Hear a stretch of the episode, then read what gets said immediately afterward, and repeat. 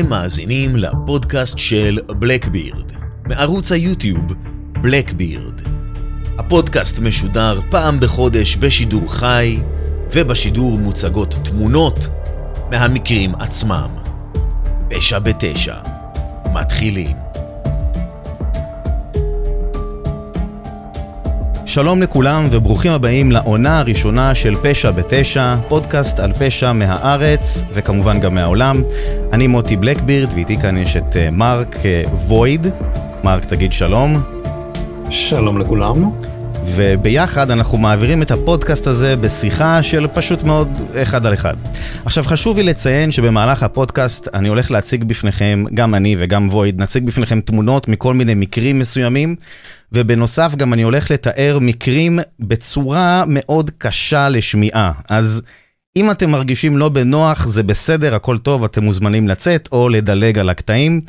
וכמה מילים ככה, למה התחלנו את הפודקאסט הזה, אז חוץ מזה שאנחנו אוהבים פשע, אה, כמו שאתם יודעים, החוקים החדשים של יוטיוב מתחילים להיות יותר ויותר נוקשים, ולכן במקום סרטון, החלטתי לעשות שידור לייב אינטראקטיבי בין שתינו, על מנת לבדוק אם נוכל לדבר על המקרים בצורה שונה מסרטון ובצורה פתוחה יותר. לכן חשוב לי לציין שבמידה ואנחנו לא מתייחסים לצ'אט, תקבלו את זה בהבנה ופשוט תהנו מהשידור. בנוסף, לא אני ולא מרק מומחים לפשע, אנחנו פשוט חובבים של פשע, אף אחד פה לא למד את זה, לא למד קרימינולוגיה, ועשינו את המחקרים שלנו על כל מקרה שאנחנו מציגים.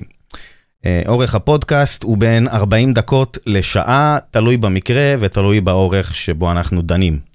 אה, ובדיון שגם כן ייווצר. אז אה, לפני שנתחיל, זה הזמן שלכם ללחוץ על הלייק, לשתף את הלייב הזה עם חברים. להירשם לערוץ וגם כמובן לטוויץ', שם אם אתם רוצים גיימינג, אתם תמצאו אותי וגם את וויד, או את מרק. היום ככה להתחלה של העונה הראשונה, אה, אני הולך להציג בפניכם את המקרה הראשון, וכמו שכבר אתם רואים, בחרתי להתחיל עם נכון תיק מוכר מאוד בעולם הפשע, ובמיוחד סביב הרוצחים הסדרתיים.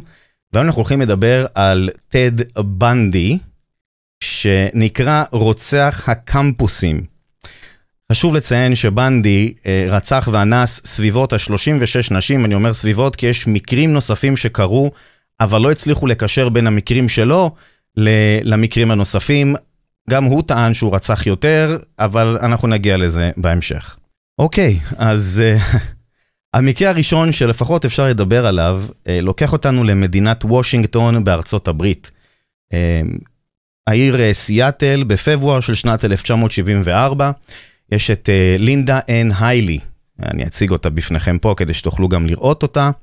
היא הייתה באותו זמן uh, סטודנטית בת 21, מתוארת כנערה נחמדה מאוד, ואפשר להגיד די מגניבה.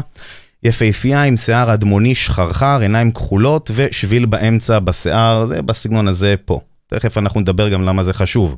היא נחשבה לסטודנטית מאוד פופולרית, וכן, היא למדה באוניברסיטת וושינגטון. יום אחד המשטרה מקבלת שיחת טלפון מהמשפחה שלה לאחר שהם ניסו למצוא אותה, כי היא קבעה איתם שהיא תכין ארוחת ערב מיוחדת במעונות עבור המשפחה. הבעיה הייתה שהיא מעולם לא הגיעה חזרה למעונות. המשטרה פתחה בחקירה על מנת למצוא מה קורה עם לינדה. עכשיו, מדובר כאן בבחורה שנחשבת פופולרית מאוד, ולא סביר שהיא ככה סתם תיעלם. עכשיו זה חשוב לי להגיד את זה, כי לפעמים במקרים כאלה של במיוחד סטודנטים, שנות ה-70, הרבה לחץ מהלימודים ומהמשפחה, לפעמים אנשים פשוט קמים ומחליטים לברוח ולהיעלם להם. אבל כאן מדובר בבחורה רצינית עם ציונים טובים שהייתה מתנ... בחורה רצינית עם ציונים טובים שהייתה מתנדבת במיוחד עם נכים וילדים נכים. בקיצור, המשטרה מתחילה לחפש ראיות במעונות, איפה שהיא גרה, ומתחילים לראיין את האנשים במעונות. מהשאלות שהמשטרה התחילה לתחקר, המשטרה למדה את המסלול האחרון שלינדה עשתה לפני שהיא נעלמה.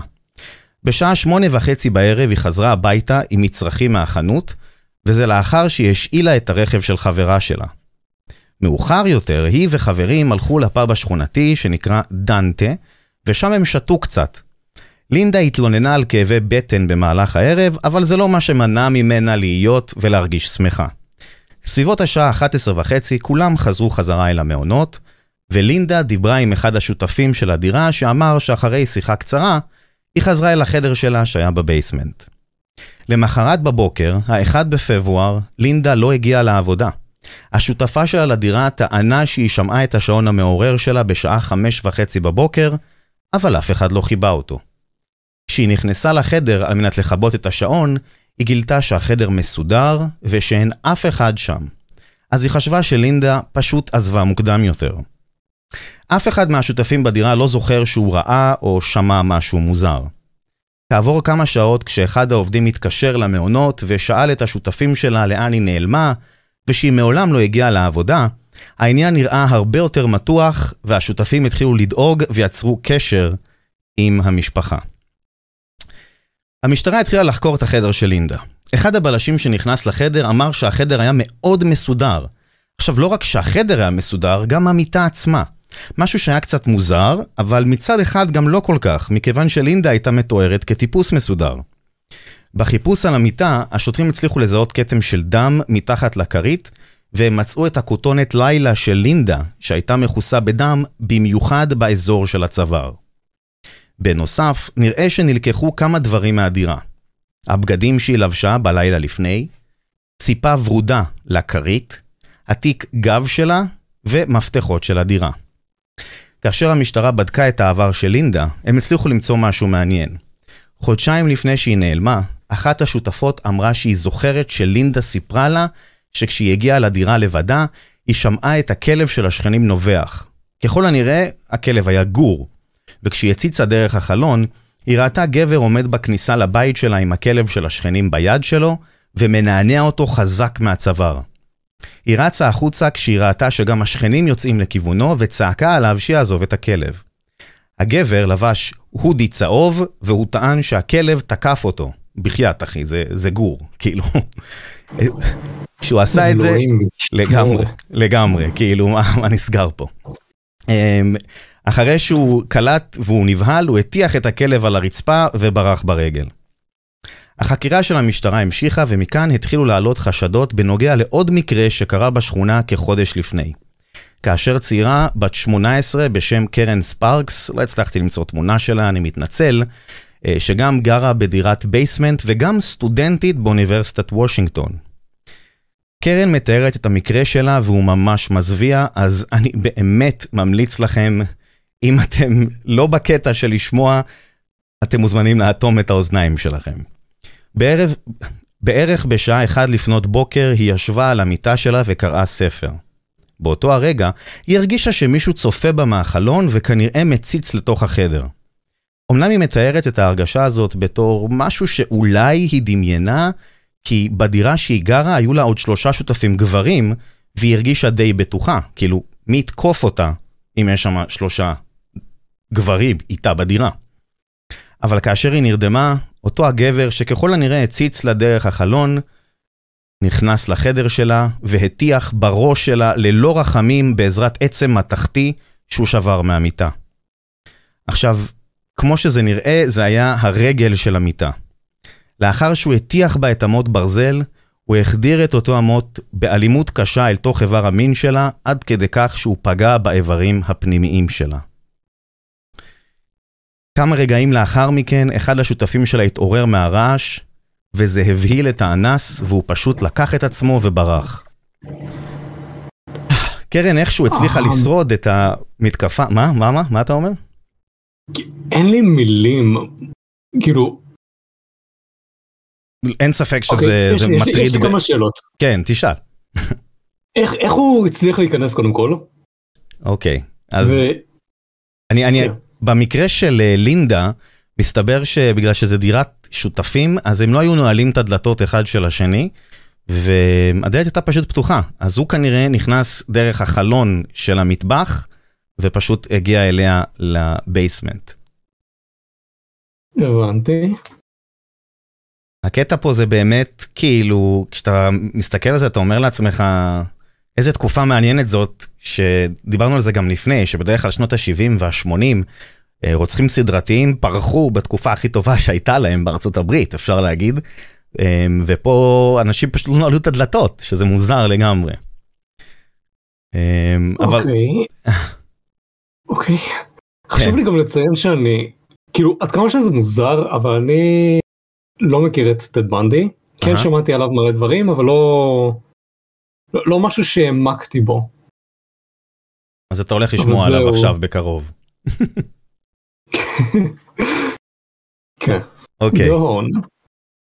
אז אחרי שקרן אה, אה, הותקפה באלימות, אה, אחד השותפים והיא כמובן התקשרו למשטרה, הזמינו אמבולנס, לא היא, כי היא הייתה בתרדמת במשך עשרה ימים, וכשהיא התעוררה היא לא זכרה כלום, וזה מאוד הקשה על החוקרים אפילו לחפש את, ה, את הפושע או את מי שבכלל פרץ אליה לחדר.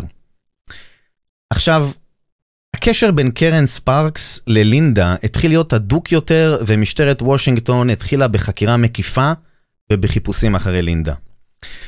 כחודש לאחר המקרה עם לינדה, שעדיין נחשבת נהדרת, ולמי שטיפה בודק במקרים כאלה אחר חודש היעלמות, אחרי חודש של היעלמות, ככל הנראה שלינדה כבר מתה, וזה בגלל שחוקרים בדרך כלל טוענים ש-24 השעות הראשונות של מקרה חטיפה הן בדרך כלל השעות הכי קריטיות שיש. למרות שאנחנו נלמד יותר מאוחר שהמקרה פה קצת שונה, אבל בכל מקרה. חודש לאחר המקרה הזה, המשטרה מקבלת הודעה שדונה מנסון, אני אראה לכם תמונה שלה, דונה מנסון, הנה, אמ, דונה מנסון בת ה-19 נעלמה. עכשיו, אם אתם מסתכלים פה על התמונה, אתם יכולים לראות שדונה עצמה גם הייתה סטודנטית, טוב, את זה אי אפשר לראות דרך התמונה, אבל אפשר לראות שהצבע שיער שלה שחור, למרות שהתמונה בשחור לבן, כי זה מה שהיה באותה תקופה, ובאמצע גם כן אנחנו רואים שביל בשיער. אמ, והיא הייתה, היא למדה גם כן בוושינגטון, אבל בעיר אולימפיה, שנמצאת גם במדינת וושינגטון. עכשיו, היא הייתה אמורה להגיע לשיעור ריקוד בבניין הקמפוס של המכללה, ולאחר מכן באותו הערב להיות בקונצרט ג'אז. הבעיה שבאמת היא מעולם לא הגיעה לאותו קונצרט. בסביבות השעה שבע בערב דונה עזבה לכיוון בניין הקמפוס על מנת להגיע לשיעור הריקוד ולקונצרט הג'אז. המרחק בין המעונות של דונה לבניין הקמפוס הוא כ-180 מטר הליכה, שזאת לא הליכה רצינית, משהו כמו 7 דקות. דונה מעולם לא הגיעה אל בניין הקמפוס. הקטע הנוראי זה שדונה לא חזרה חזרה אל המעונות, ואף אחד לא חשב לדווח, לדווח עליה כנעדרת. השותפים שלה לדירה אמרו שדונה בדרך כלל מתוארת כמישהי שכל הזמן אהבה לעשות טיולים, ולכן לא חשדו או חשבו שקרה משהו.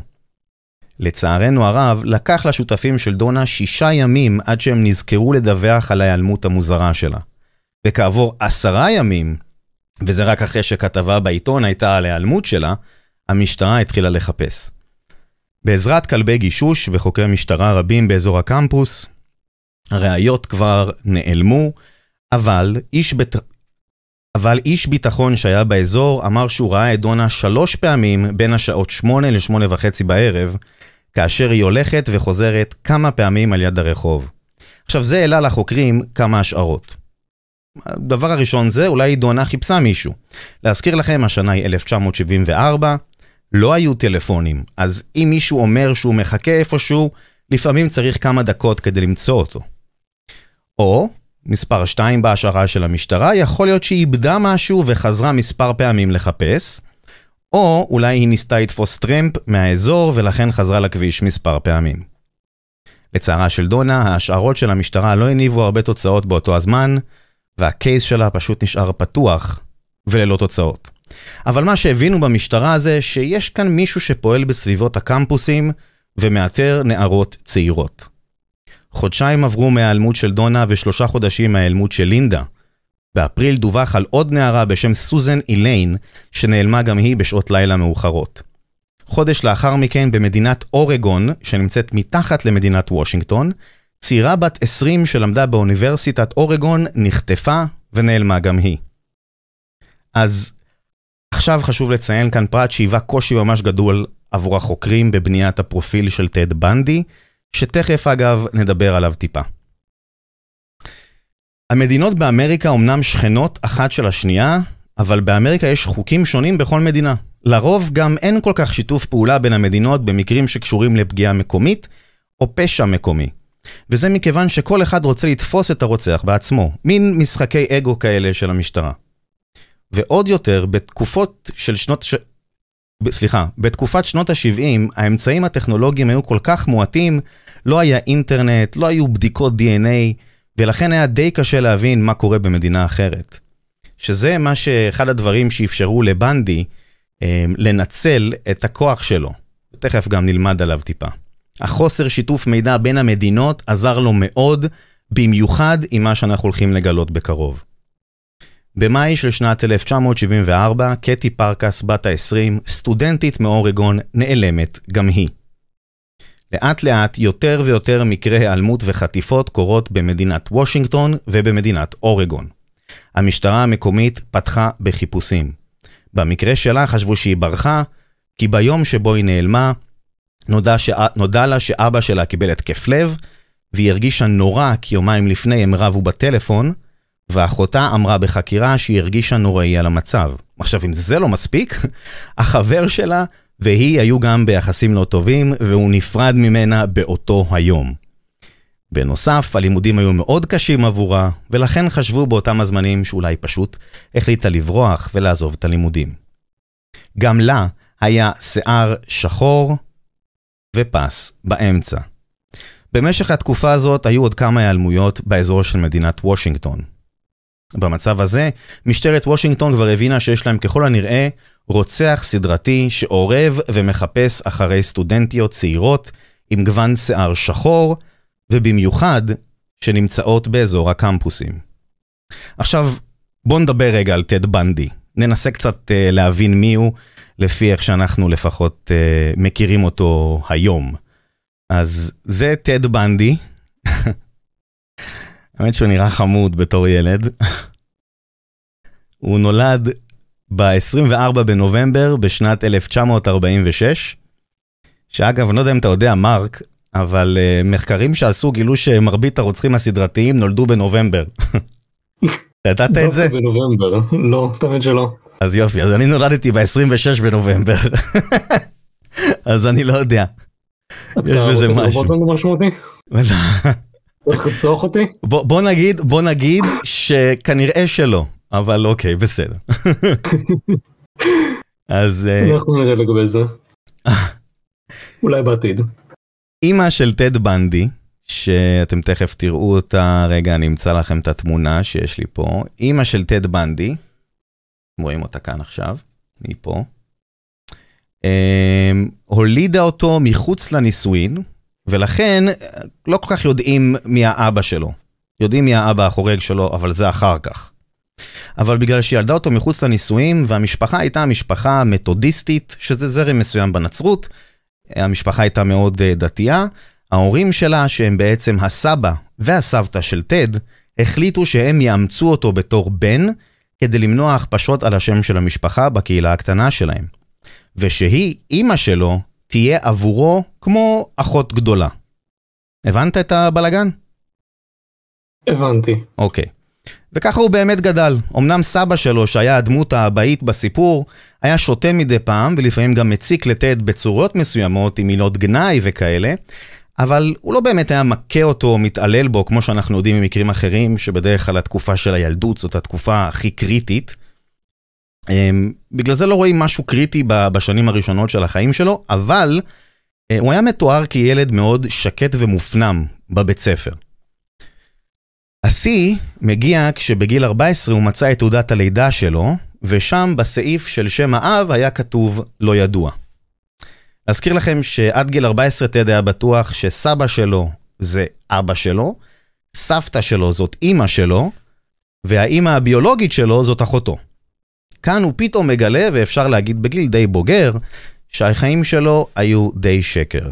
עכשיו, אם אתם מסתכלים על אימא, אתם, אה, או לפחות על, על אימא של טד, אתם יכולים לראות שגם היא בעלת שיער שחור, אה, פחות הקטע של הפס באמצע, לזה נגיע בקרוב. אה, שנת 1966, טד מתחיל ללמוד באוניברסיטת וושינגטון. שם הוא למד סינית, והייתה לו חברה בשם סטפני ברוקס. אני אמצא את התמונה שלה, בבקשה. סטפני ברוקס אה, הייתה יפהפייה, היה לה שיער שחור, חלק וארוך, היא הייתה במעמד גבוה, ידעה איך להתלבש ובאה מבית טוב. הוא אהב אותה בצורה שמאוד השפיעה על החיים שלו, ואפילו אמר שהוא לא הבין מה היא מחפשת איתו ושהיא ממש מעל הליגה שלו. סטפני מאוד השפיעה עליו. אפשר להגיד שהיא מי שגרמה לו לנסות להיות יותר ממה שהוא אמור היה להיות, בסופו של דבר.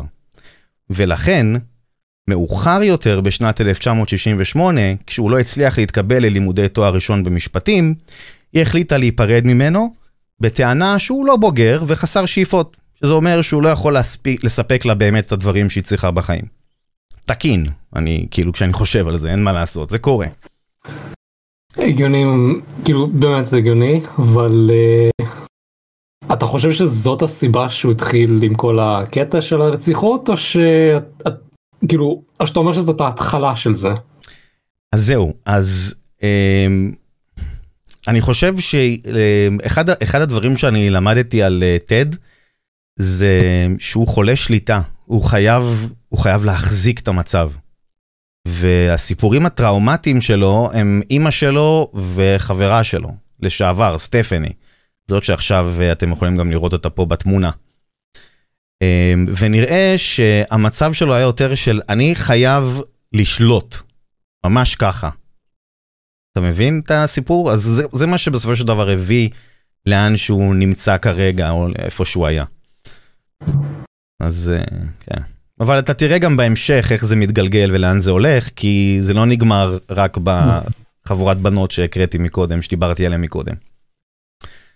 אמ, אוקיי, אז כמובן שטד מרגיש על הפנים במצב הזה, בתקופה הזאת. אמ, הוא ממש שבור. הוא נמצא בסערת רגשות מטורפת, הוא מרגיש שהוא לבד, והוא עוזב את הלימודים ופשוט יוצא לטיול במזרח ארצות הברית. שנה לאחר מכן הוא חזר לאוניברסיטת וושינגטון, והפעם הוא התחיל ללמוד פסיכולוגיה. לימודים שאגב הוא סיים בהצלחה רבה, ומרבית המרצים שלו מאוד התפעלו ממנו. פחות או יותר באותה התקופה הוא הכיר בחורה בשם אליזבת קלופפר. עכשיו, היא אחת הדמויות מפתח בסיפור של טד, היא נמצאת פה. רואים אותה כאן. אה, אז היא הייתה גרושה והייתה לה ילדה. היא עבדה בתור אה, מזכירה בבית ספר לרפואה באוניבר... באוניברסיטה, וכן, גם לאליזבת היה שיער, יותר נכון, כהה, שחרחר, ארוך. חשוב לזכור את השם שלה, כי אנחנו נגיע אליה מאוחר יותר, והיא באמת דמות מפתח בסיפור של בנדי. אני רואה שיש לה גם את אה, הפס באמצע. כן, יש את הפס באמצע גם, שזה מין, ככה, ככה מזהים את הטעם של הרוצח הסדרתי, הוא בדרך כלל הולך על סגנון אחד, או על דבר אחד, בצ... בסדרה, אפשר להגיד. אה, אוקיי, פתאום משום מקום, ככה יום בהיר, סטפני, החברה הראשונה שהייתה לו, יצרה איתו קשר. עכשיו, למה יצרה איתו קשר? כי בשנת 1972 הוא סוף סוף סיים את לימודי הפסיכולוגיה שלו, והצליח להיכנס לפקולטה של משפטים והתחיל ללמוד משפטים. אז אה, סטפי אמרה שהיא התפעלה מאוד מהשינוי שהיה לו בחיים, ומאז השניים חזרו לתקופה קצרה להיות יחד. עכשיו, אם זה לא היה מספיק בזמן שהוא היה בקשר עם סטפני, שאז בכלל גרה במדינה אחרת, הוא המשיך לנהל שגרת חיים עם אליזבת, בת הזוג שלו. אז הוא יצא עם שתיהן במקביל. אה, סטפני הייתה מגיעה... player, אחי, player רציני. אה, סטפני הייתה מגיעה אליו לסיאטל, והשניים דיברו מספר פעמים על נישואים. אה, בלי קשר לזה, טד מתאר את היחסים שלו עם סטפני וליז כיחסים פתוחים, שהן לא ידעו זאת על זאת, ובאותו הזמן הוא יצא עם עוד 12 נשים במקביל. להזכירך מדובר ברוצח סדרתי, עסוק מאוד והוא בלימודים, כן? שתבין את זה, הוא בלימודים של עריכת דין. אני רואה שהוא עסוק, כאילו. 12 אה, זה טיפה מוגזם הייתי אומר. זה מוגזם מאוד, זה, אני, אני לא יודע איפה היה לו את הזמן לכל זה, אבל תכף נגלה גם uh, מה, גרם, מה, מה גרם לו להתקדם הלאה. uh, בינואר של שנת 1974, פחות או יותר כמה, מקר... כמה ימים לאחר המקרה האלים ששמענו עם קרן, עם אחת הקורבנות שלו, בנדי פתאום הפסיק ליצור קשר עם סטפני, והפסיק לענות למכתבים שהיא שלחה לו. אז uh, סטפני ניסתה למצוא אותו בטלפון. עכשיו, אני רוצה להזכיר לכם שוב, התכנון שלהם היה להתחתן. אבל כאשר סטפני סוף סוף הצליחה להשיג אותו בטלפון ושאלה אותו מה קורה ולמה הוא מתעלם ממנה, טד ענה בצורה רגועה שאין לו מושג על מה היא מדברת, ומאז הוא פשוט נעלם לה מהחיים. האמת זה לטובתה. מאוחר יותר במעצר הוא סיפר שהוא פשוט רצה להוכיח לעצמו שהוא יכול היה להתחתן איתה אם הוא היה רוצה. כאילו, הבנת? הוא רצה לדעת שהוא יכול להחזיר לה באיזושהי צורה. זה הסיפור שלו איתה. אמ, והנה, פה אנחנו רואים עכשיו תחילת שנת 1974, בנדי מתחיל להחמיץ קורסים בזמן התואר בלימודים אה, לפקולטה למשפטים, אה, ועד אפריל של אותה השנה, נשים צעירות מהאזור שלו במיוחד, מתחילים, מתחילות להיעלם, אחת אחרי השנייה. עכשיו, חוץ מזה שבנדי, לפי מה שאנחנו יודעים היום, נחשב לפלייר רציני, שידע טוב מאוד כיצד להתנהל מול נשים, לפחות במובן של דיבור, כי לרוב הם מתו על ידו. אה, הוא נחשב לאדם שנראה טוב, אמנם כאילו בתקופה שלו לפחות, אני לא יודע היום, אני גם לא אישה, אז אני לא יודע אם אני יכול להסתכל על זה בתור אה, בן אדם שנראה טוב, כי אנחנו גם יודעים את הסיפור שלו. אמ, וכמו שהבנת גם עד עכשיו בפרופיל של טד, לא מתואר פה בן אדם טיפש. אתה מבין את זה. כאילו יש פה בן אדם שסיים ללמוד לימודי פסיכולוגיה, סיים ללמוד סינית, הוא קצת יודע טוב מאוד אה, את הסביבה שלו. עכשיו, לצערנו, היום מקטרגים את רוב הרוצחים הסדרתיים כאנשים נוראים שחיים מתחת לאבן באיזה מקום נידח או בית נטוש, אבל פה אנחנו רואים דווקא משהו אחר. סגנון אחר לגמרי. כאן מדובר על אדם מתוחכם, נעים הליכות, היה לו איי-קיו, תקשיב מרק, היה לו איי-קיו של 136, שזה נחשב לדי אינטליגנטי וחכם. זה לא נמוך, זה, זה באמת לא, לא נמוך. זה נחשב... שמה, כן. רוב, הר... כאילו, רוב הרוצחים הסדתיים והפושעים הם, הם לא טיפשים, הם גאונים. כן. זה נורא מוזר להודות בזה, אבל הם גאונים. הם ידעו איך להסתדר, איך להסתתר, איך לרצוח, מה לעשות. אלא אם כן אם אתה סתם בן אדם רנדומלי שנותן בלוק למישהו בראש ובאמת. זה, זה נכון, הבעיה ש... כן. אנשים והמשטרה בדרך כלל חשבו שרוצח סדרתי לא ייראה ככה. זה לא היה הדמות של אה, רוצח סדרתי. בן אדם שלמד, ב... אה, שהיה מוצלח בלימודים, זה לא מה שחשבו עליו באותה תקופה. ברור, לא נראה לי מישהו היה חושד בכלל. לגמרי. וגם, כאילו, אמרתי לך את זה גם לפני, אבל המונח רוצח סדרתי, המונח, השם רוצח סדרתי, ניתן לראשונה על ידי המשטרה לטד בנדי. עד אז לרוצחים לא היו נותנים להם את המונח רוצח סדרתי, זה הוא קיבל את זה, הוא קיבל את זה לראשונה בתור uh, רוצח סדרתי. אז uh, מעניין, אמנם לפני זה כמובן שהיו רוצחים סדרתיים, אבל המונח היה רק בגללו. Uh, מה שהכי חשוב זה שבנדי למד משפטים, הוא ידע את החוק, הוא הכיר את החוק. שזה הופך את הרוצח שלנו, את טד, ל mastermind. כשחושבים על זה. תכלס, מצד אחד זה אירוני, מצד שני, כאילו זה באמת נותן לו את היתרון של מה לעשות, או מה לא לעשות. וואי, חכה שנגיע למשפט, זה הולך להיות מטורף. באמת. אני מחכה לזה.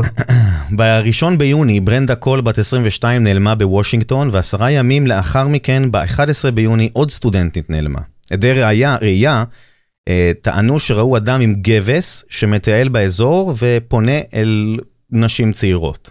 הוא עמד על יד חיפושית מסוג פולקספאגן בצבע צהוב חרדל. טאדה! Uh, באותו הזמן טד בנדי עבד בשירותי החירום של מחלקת וושינגטון, מין משרד של הסוכנות הממשלתית שהייתה מעורבת בחיפושים אחרי הנשים הנהדרות. אם יש יותר mastermind מזה, זה זה. אמ, ושם אגב הוא פגש את קארול אן בון, שלא מצאתי תמונה שלה, אבל גם היא חשובה מאוד לסיפור. חשוב מאוד לזכור את השם הזה כי היא תופיע בהמשך. הזוג, הזוג הזה התאהבו והחלו לצאת, וכמובן שאליזבת לא ידעה כלום על המתרחש. אז עוד הפעם יש פה מין אה, קטע כזה של פלייר. אה, ביולי של שנת 1974, ג'ניס אוט בת ה-23 ודניס נסלונד בת ה-19 נחטפו אחת אחרי השנייה, ממש מתחת לאף של כל המתרחצים בחוף. בנדי טען מאוחר יותר שג'ניס בת ה-23 צפתה בנערה בת ה-19 נאנסת ונרצחת מול העיניים שלה. ואחרי זה הוא אנס ורצח גם אותה. תחשוב, הוא, ענה, הוא, הוא, הוא חטף שתי נשים ביום אחד, ורצח את שתיהן ביום אחד. זהו, מתי הספיק לעשות כל זה? זה, איך? זה, כאילו... זה, הב, הבן אדם, אתה תראה שזה זה לא קרה לו רק פעם אחת, זה קרה לו כמה וכמה פעמים. Um, והוא הצליח לעשות את זה, אני לא יודע, אין לי מושג. אחת הבעיות שהיו לטד באותו הזמן, שהוא חטף את שתי הבחורות, זה שכבר היו יותר ויותר עדי ראייה שראו את בנדי באזור החוף בזמן המקרה. עכשיו אני רוצה באמת שתסתכלו, וגם אתה מרק, תסתכל רגע על התמונה הזאתי של טד בנדי עומד ליד, ה, אה, ליד החיפושית הזאת. עכשיו, תנסה רגע להבין שבן אדם שנמצא עם חיפושית ולבוש בצורה כזאת, אה, לא נראה מאיים כל כך. הוא נראה די חמוד, זה לא רכב שמאיים.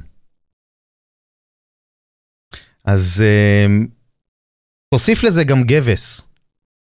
ועל הגבס, או אפילו קביים, ועל הגבס תוסיף ספרים. לא על הגבס, יד אחת עם גבס, יד אחת עם ספרים, ופתאום הספרים נופלים. אתה תעזור לבן אדם, נכון?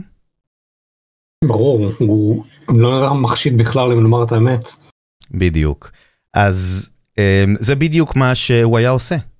הוא היה עומד, מחכה שנשים צעירות יתקרבו אליו, הוא עם הגבס היה מפיל את הספרים, הן היו עוזרות לו, כנראה עומדות בדיוק איפה שהבגאז' באזור הזה, מאחורה, ובזמן שהן היו מתכופפות להרים את הספרים, הוא היה שולף uh, עצם התחתי, משהו קרובה, נותן להם מכה בראש, ופשוט מפיל אותם לתוך הבגאז', אוזק אותם ונוסע. Mm, אוקיי, הבנתי. זאת הייתה השיטת פעולה שלו. מי חכם? זאת הייתה שיטת פעולה שלו.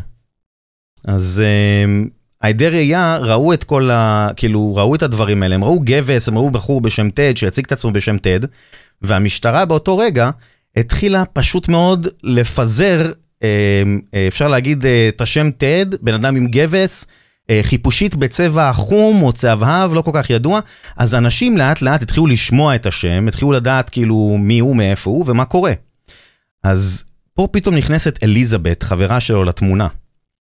והיא יוצרת קשר עם המשטרה בחשאי, ונותנת תיאור מדויק של טד על פי הממצאים שהמשטרה הפיצה. בנוסף, גם אחד מהמרצים שלימדו את טד בלימודי פסיכולוגיה, התקשרו למשטרה וטען שכל הממצאים שיש מכוונים עליו.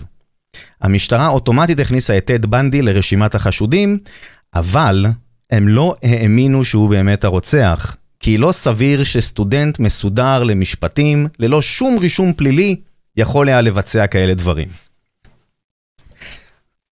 לא נראה לי שהם ידעו כל כך איך לעשות פרופיל באותה תקופה. נראה לי ככה זה נשמע. הטכנולוגיה. לגמרי, לגמרי. Um, אוקיי, אתה יודע, בדרך כלל uh, כל רוצח סדרתי משאיר לעצמו טרופיז מהקורבנות שלו. הוא לוקח לעצמו משהו מהם. Um, אז נגיד עם טד, היה סיפור קצת שונה. ידוע לפחות עד היום שארבע מהקורבנות שלו, הוא ערף להם את הראש, השאיר אצלו בבית, ובזמן שהראשים היו שם, כנראה, אתה יודע, מתקלקל אחרי כמה זמן, אחרי הכל זה... אוי, אלוהים ישמור. אבל הוא היה מחליק להם את השיער, שם להם איפור, ועושה את מה שמגדיר אותו היום כנקרופיל. בצורה הזאת. אוקיי, אני מבין לאן זה הולך, ואני אוקיי. לא אוהב את הכיוון. ממש לא אוהב את הכיוון. בנוסף, הוא היה אה, חוזר חזרה לאתרים שבהם הוא היה קובר את הגופות, הוא היה מוציא את הגופה, מלביש אותה בבגדים של נשים, וחוזר עוד הפעם על מה שמגדיר אותו היום כנקרופיל. ואלה בדרך כלל הפרטים שהוא השאיר אצלו בבית, שזה היה בגדי נשים, אה, כל מיני אה, כלי איפור, דברים כאלה. אוקיי, אה, חודשיים לאחר מקרה האלמות של שתי הנערות, אה, חלקי גופה של שלוש נעדרות נמצאו על ידי צייד שפשוט טייל באזור הררי. אוגוסט של שנת 74, בנדי התקבל שוב ללימודי משפטים, רק שהפעם באוניברסיטת יוטה, מדינת יוטה. ואז פתאום, הפלא ופלא, בנובמבר של שנת 74 מתחילות רציחות ביוטיה, ביוטה. מתחילות להיעלם נשים. ואיפשהו שם, אה, באותו חודש, בנובמבר, הוא מתחפש לשוטר ופונה אל בחורה בשם קרול דרונץ'. אה, טד כנראה עקב אחריה טיפה, זיהה את הרכב שלה, ופנה אליה, אמר לה שהוא אה, הציג לה טאג של שוטר, אמר לה שהוא שוטר ושמישהו מנסה לפרוץ לה לרכב, ואם היא רוצה, היא יכולה לבוא איתו בנסיעה, ולנסוע כאילו ביחד לתחנת משטרה, להגיש תלונה. אה, כשהם הגיעו אל הרכב שלו, היא ראתה שזה לא ניידת משטרה, אלא, אתה יודע, פולקסווגן, זה חיפושית, חיפושית כאילו, צבע זהב. אז היא שואלת אותו... אני יכול לדמיין פשוט. כן. פשוט יכול לדמיין וולקסווגן עם אה, סירנות מעל. לגמרי. לגמרי, לגמרי. אמ, אז כאילו, אז, אז היא שואלת אותו, אה, אוקיי אחי, אמרת שאתה שוטר, מה, מה נסגר? כאילו זה, אז הוא מצליח לשכנע אותה, הוא אומר לה שהוא שוטר סמוי. ולכן גם הרכב שלו רכב אזרחי. אז uh, היא השתכנעה, נכנסה לרכב, ובזמן הנסיעה היא קולטת שבנדי נכנס לרחוב צדדי, והיא הבינה שלתחנת המשטרה הם כנראה לא נוסעים היום. שם היא איבדה את זה והתחילה לצעוק ברכב. עכשיו, טד ניסה בכוח לאזוק את שתי הידיים שלה, אבל לצערו הוא הצליח לאזוק רק יד אחת, והיא פשוט פתחה את הדלת ויצאה החוצה בריצה. כאשר הגיע לתחנת המשטרה, יכל לספק תיאור של הרכב, וכמובן קלסטרון ושם. טד. משטרת יוטה. עכשיו, אנחנו כבר לא בוושינגטון, אנחנו ביוטה. משטרת יוטה ישר לקחה את כל הראיות והתחילו להפיץ את התמונות של הרכב, את השם והקלסטרון הזה, בכל מיני מקומות במדינה. עכשיו אליזבת שומעת על המקרים שקרו ביוטה.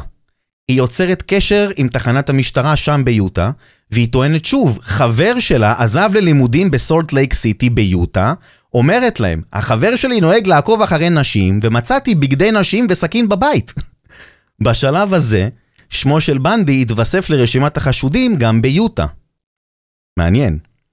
חודש לאחר מכן, שעוד ועוד נערות נעלמות במדינה, אליזבת יצרה בפעם השלישית קשר עם המשטרה עם אותם החשדות.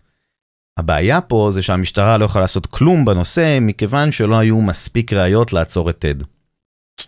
בינואר הוא חזר חזרה לוושינגטון, בילה שבוע עם אליזבת בבית שלהם. אליזבת כמובן לא אמרה לו כלום, זה שהיא יצרה קשר עם המשטרה, כן. אמ, ואז בקיץ של שנת 1975, קצין משטרה מיוטה ניסה לעצור חיפושי, חיפושית צהובה בכביש לבדיקת רישיונות שגרתית. אמ, מי שנהג בחיפושית היה טד בנדי.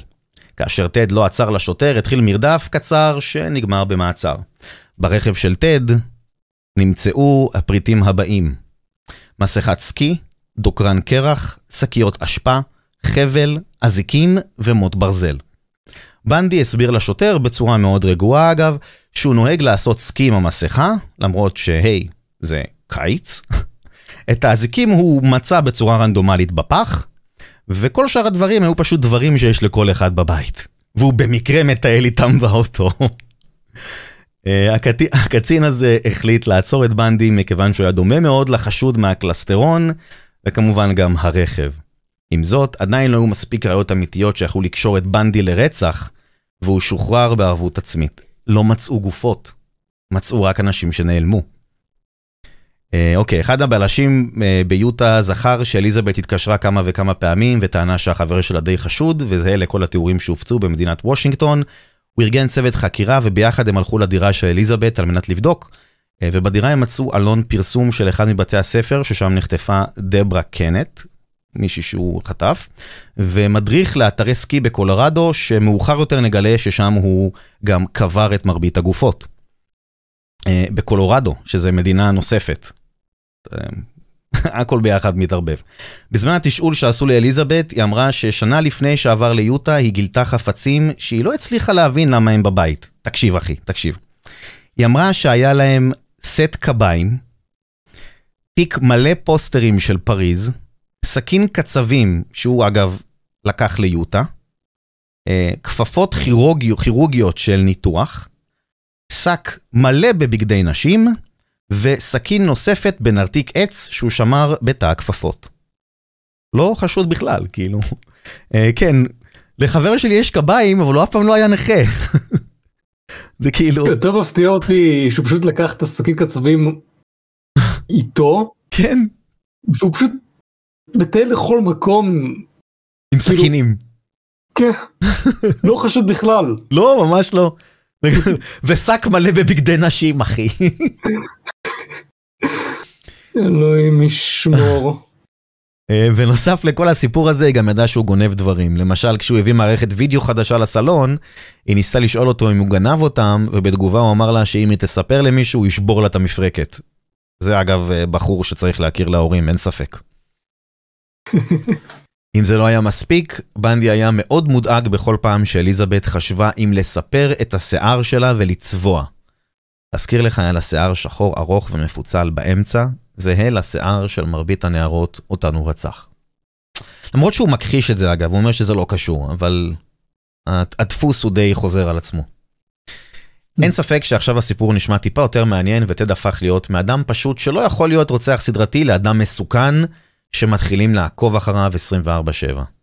בין כל הבלגן הזה, טד מצליח איכשהו להתחמק מכל האנשים סביבו ומגיע לאספן בקולורדו. שם, בצורה מפתיעה, מתחילות להיעלם נשים, והפעילות הפלילית של טד ממשיכה. טד שהבין שהמשטרה כבר ממש עוקבת, שהמשטרה כבר ממש עוקבת אחריו, וזה מצחיק, כי אליזבת מתארת את זה ממש מוזר. היא אומרת, תקשיב לזה, היא אומרת שכל הזמן שהם היו יוצאים מהבית, ברגע שהם היו סוגרים את הדלת ורואים את טד נכנס לרכב, פתאום ארבע רכבים היו מתניעים את הרכבים שלהם ביחד. זה כאילו, מה זה העבודה הנוראית של המעקב הזה, כאילו? אה, עכשיו כמובן שהם קלטו די מהר שעוקבים אחריו, אה, והוא מכר את החיפושית שלו, ומשטרת יוטה החרימה את החיפושית, וטכנאי של ה-FBI פירק אותה והתחילו לחפש ממצאים, שם הם מצאו שערות מגופתה של קרין קמפל, מליסה סמית, שאגב הייתה הבת, בת 17 בזמן שהוא תפס אותה, והיא הייתה הבת של אה, מפקד המשטרה ב, ביוטה, ואת קרול דרונץ', זאת שהצליחה אה, לברוח ממנו, אם אתה זוכר אותה. אני מקווה שאתה כן, אז זאת עם הזיקה אחד. בדיוק, בדיוק. ברכב. אה, אוקיי, אגב, מומחה מעבדה בשם אה, רוברט ניל שעבד ב-FBI אמר שלמצוא שרידי שיער ברכב אחד שתואמים שלושה קורבנות שמעולם לא נפגשו, יוצר צירוף מקרים נדיר באופן מדהים. אפשר להבין למה. בשני באוקטובר בלשים תפסו את בנדי והעמידו אותו למסדר זיהוי, שם הם הביאו אליו את קרול דרונץ' שהצליחה לברוח ממנו, וקרול זיהתה אותו ישר במקום. עם כל הראיות שנמצאו עדיין אי אפשר היה לתפור סיפור רצח, וזה כי הן גופות שמתקשרות אליו. והבלשים לא רצו להכניס את בנדי לכלא על ניסיון חטיפה בלבד, כי אז הוא היה מקבל פחות או יותר 15 שנה. אמ, אבל בכל זאת, בשימוע הראשון שעשו לו, השופט אמ, אה, קבע לתת לו 15 שנים, וזה כמובן על ניסיון חטיפה באלימות. בנובמבר של שנת 75, שלושת החוקרים הראשיים של בנדי מיוטה, ועוד חוקרים ממדינת וושינגטון וקולורדו נפגשו על מנת לאסוף uh, תיק נגד בנדי. הם קראו לפגישה הזאת uh, פסגת אספן, סוף כל סוף כל החוקרים ביחד במקום אחד, uh, והם, והם כולם היו משוכנעים שבנדי הוא הרוצח. כולם ידעו את זה, אבל הם הסכימו בינם שצריך עוד ראיות לפני שיוכלו להכניס אותו לכלא על רצח. מאידך, הם טענו שיש להם מספיק ראיות כדי לפחות להעמיד אותו למשפט בקולורדו על רצח של אחת הקורבנות. ולכן הוא עבר מיוטה לאספן בקולורדו, על מנת לעבור שימוע טרום משפט. כשהוא הגיע לאספן, הוא פיטר את העורך דין שלו, והחליט שהוא הולך לייצג את עצמו, כי הוא ידע, לפחות למד קצת עריכת דין. כתוצאה מזה, השופט פטר אותו מלהיות אזוק בידיו ורגליו במהלך המשפט. ואז, בהפסקה בבית המשפט, הוא ביקש לבקר בספרייה המשפטית כדי לבצע מחקר משפטי בנושא שלו, וכאשר הוא הצליח להסתתר מאחד השומרים, הוא ראה חלון פתוח, וכן, בלי לחשוב פעמיים, הוא קפץ מהחלון של הקומה השנייה, נקע את הרגל והתחיל לברוח לכיוון העיירה הסמוכה. במשך מספר ימים הוא מטייל פצוע, עובר בקרוונים של ציידים, פורץ לחנויות, אוסף אוכל וכסף, גונב רכבים פה ושם בשביל להתקדם ולברוח. ואז אחרי שישה ימים בנדי מנסה למצוא את הדרך שלו לעזוב את אספן. הוא הלך האמת לאיבוד באחד הערים, מה שגרם לנו לחזור בסופו של דבר חזרה לתוך העיר. עייף, מקורר, פצוע בקרסול, הוא הצליח לפרוץ לרכב ונסע בצורה לא בטיחותית בכלל. אה, שני שוטרים שהבחינו ברכב עצרו אותו ישר וזיהו את בנדי. אה, תודה רבה לך, MM, תודה רבה, אחי, מעריך. הוא נעצר שוב, והפעם הוא ישב בכלא בקולורדו. כאשר הוא הגיע לכלא, שם הוא ישב מספר חודשים. עכשיו, אתה זוכר את קארול אנבון, שיצאה איתו... קארול האחרת. בדיוק, כן. בדיוק. אז uh, בזמן שהוא, uh, שהוא הכיר אותה, מסתבר שהיא ממש ממש אהבה אותו, והיא לא האמינה שהוא מסוגל לבצע פשעים מחרידים, כמו מה שתיארו עליו, והיא תמכה בו ממש. עד כדי כך שהיא הצליחה לארגן לו משהו בסביבות ה-750 דולר, והיא הביאה לו את זה לכלא.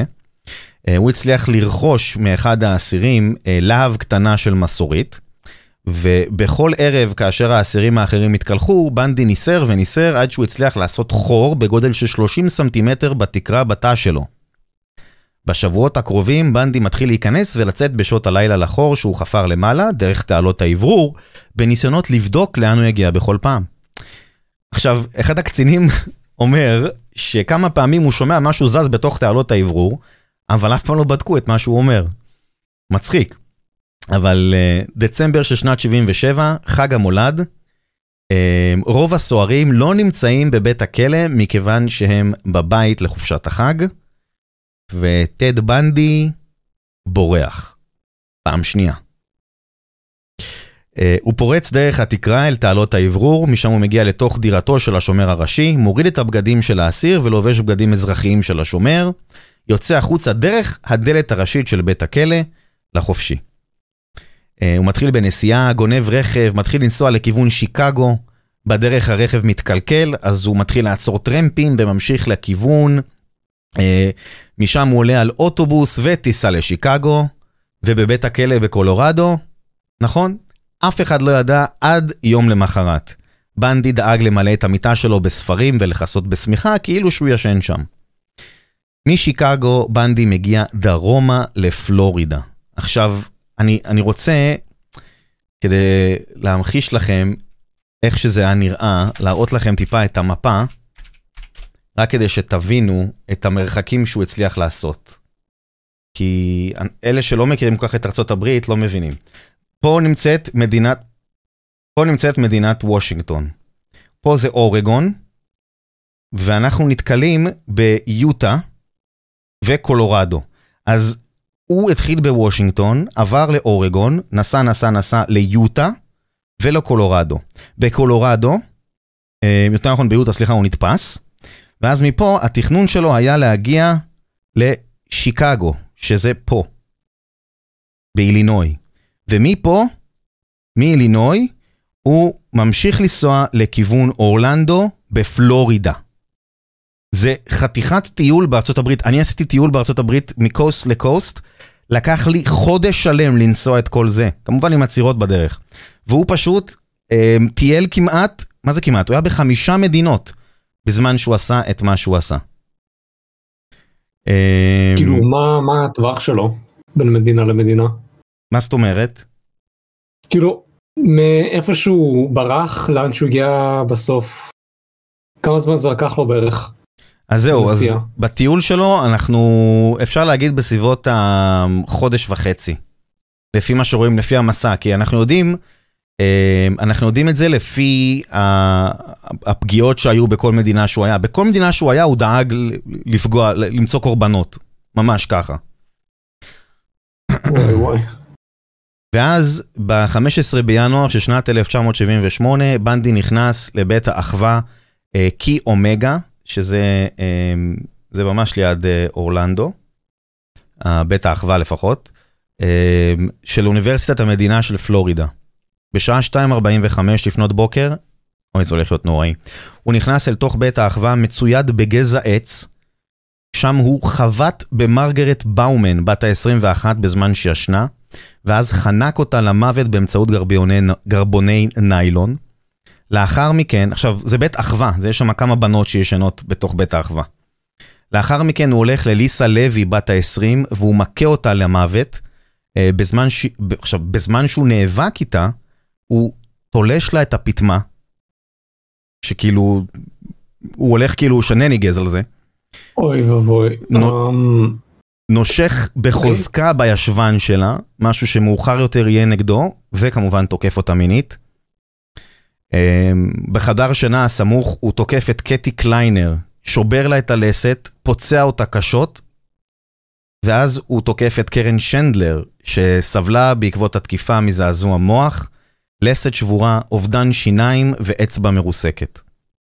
עכשיו, בן אדם שכאילו, אתה יודע, שומע על המקרה הזה אומר, בואנה, הוא בטח היה שם הרבה זמן. הוא בטח היה שם, הוא בילה שם איזה כמה, לא יודע, חצי שעה, 40 דקות. אבל החוקרים אומרים שהתקיפה הזאת הייתה פחות מ-15 דקות. זה וואו, כאילו, זה זה going זה crazy. לא מפתיע. זה כאילו ממש הלך על הרמפייג'. זה, כאילו, אני, אני חושב שזה בגלל שהוא הרגיש שתופסים אותו עוד מעט. הוא הרגיש את זה. עכשיו, בנוסף לזה, אמ, גם זה אזור שהיה שם טווח שמיעה של למעלה מ-30 עדים שלא שמעו כלום.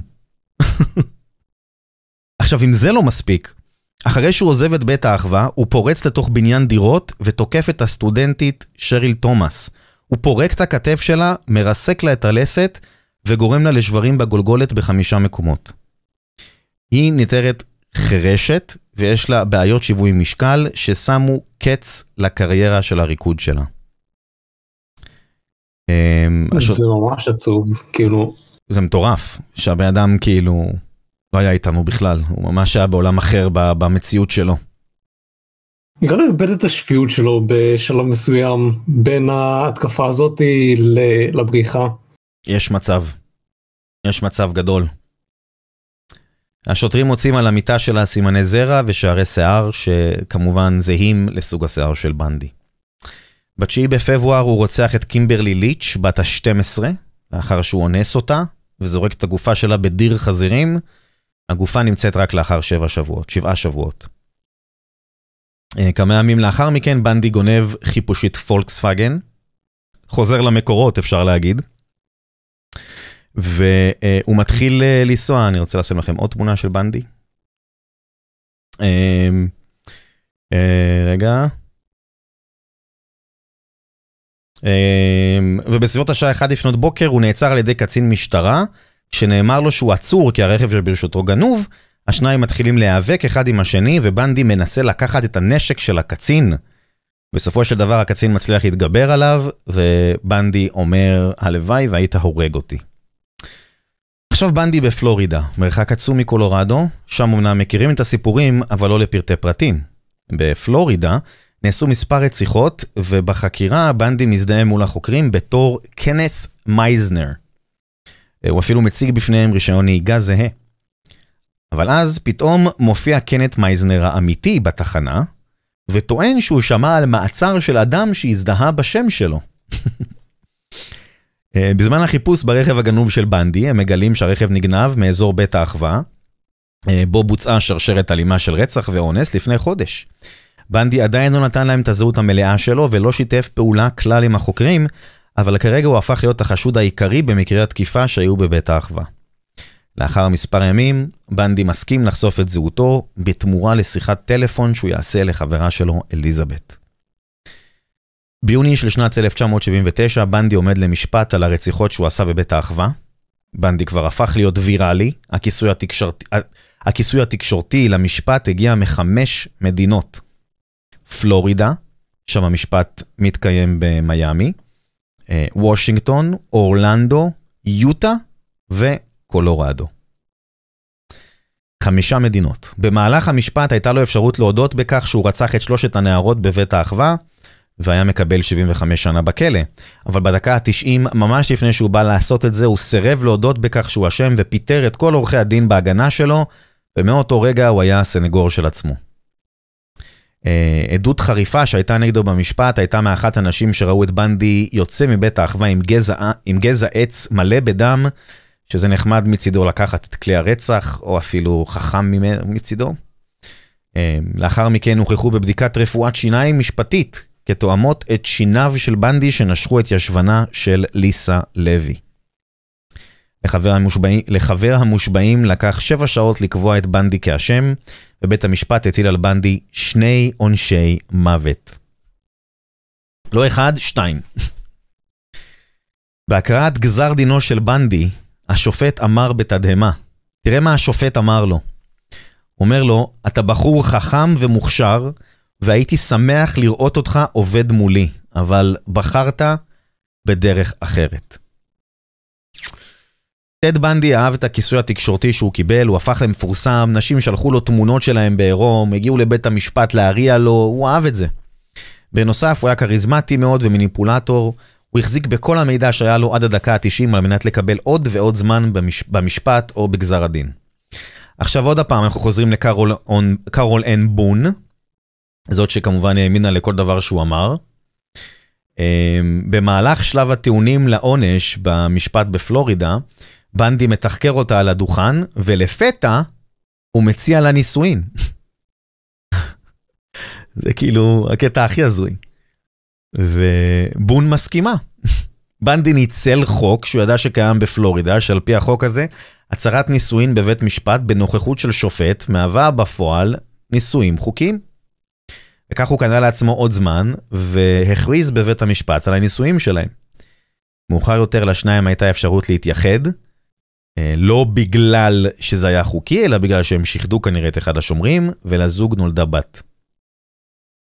Oh my God. Oh מטורף. לאחר מכן אה, התחיל משפט נוסף בנוגע לרצח של קימברלי בת ה-12, וגם שם הוא יצא אשם וקיבל עוד עונש מוות. בסך הכל הוא, קיבש, הוא קיבל שלושה עונשי מוות. אה, עד היום לא יודעים מה קורה עם הבת שלו אגב, אה, יש כאלה שיגידו שזאת לא גם, גם לא הבת שלו אולי, כאילו קארול אנבון בסופו של דבר התכחשה לזה, אבל אי אפשר לדעת. בנדי ערער בכל רגע נתון על עונשי המוות שהוא קיבל, שמר לעצמו את המידע עד הדקה האחרונה. והאמת שעונש המוות שלו נדחה מספר פעמים כתוצאה מכך שהוא החליט לחשוף עוד ועוד מקרים על הקורבנות שלו מכל מדינה בה הוא בילה. ואז מצאו את גופותיהן של הנרצחות. מדברים פה על כמות מאוד גדולה מוושינגטון, אורלנדו ויוטה, כאשר כמה מהן היו ללא ראש, או רק חלקים שלהם. באחד מהתחקירים שעשו איתו, הוא אה, הודה שגם רצח בגיל צעיר יותר ילדה בת שמונה, ושרק בגיל 27 הוא הפך להיות מקצועי, במרכאות. מוזר. עכשיו, הערכה הפסיכולוגית שלו מצאו שהוא פסיכופת, אנטיפט, אנטוגניסט, מניפולטור, מבריק להפליא, חכם ומאוד מאוד מוחצן, שזה שונה מאוד ממה שהוא היה כשהוא היה בן 14. 24 בינואר של שנת 1989, בשעה 7 בבוקר, טד בנדי מוצא להורג על כיסא חשמלי, ומילותיו האחרונות היו, אני רוצה למסור את אהבתי למשפחתי ולחבריי. ברקע, כמה דקות לפני הוצאת הגזיר, גזר הדין, מחוץ לבית הכלא היו כמה מאות שחגגו, שרו, רקדו וירו זיקוקי דינור לאוויר. זה היה טד בנדי. אני רוצה להבין למה אנשים אהדו אותו. כי מצד אחד אני יכול להבין, בן אדם כריזמנטי שסיים את התואר שלו במשפטים וכל זה, אבל אלוהים ישמור, כי הם אוהדים רוצח שעשה מעשים כל כך נוראים ורצח כל כך הרבה, כאילו במדינות שונות גם, לא, לא במקום אחד. כן. אז אני מנסה להבין איך אנשים אוהדים אדם כזה, למה?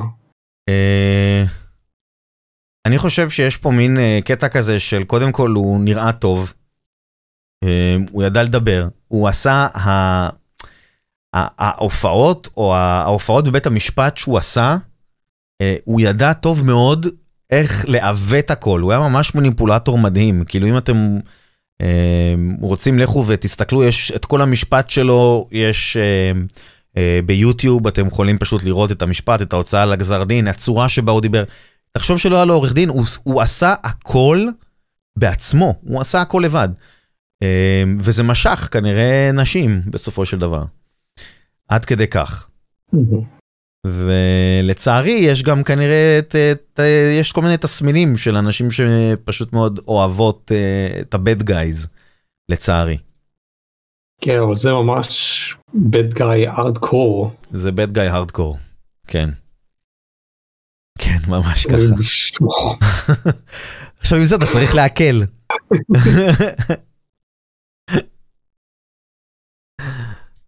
נו, אז מה אתה חושב לא, על טד בנדי? אין לי מילים, פשוט מטורף. כן, הוא באמת אה, עשה את הדרך שלו, אפשר להגיד, לאן שהוא הגיע בסופו של דבר.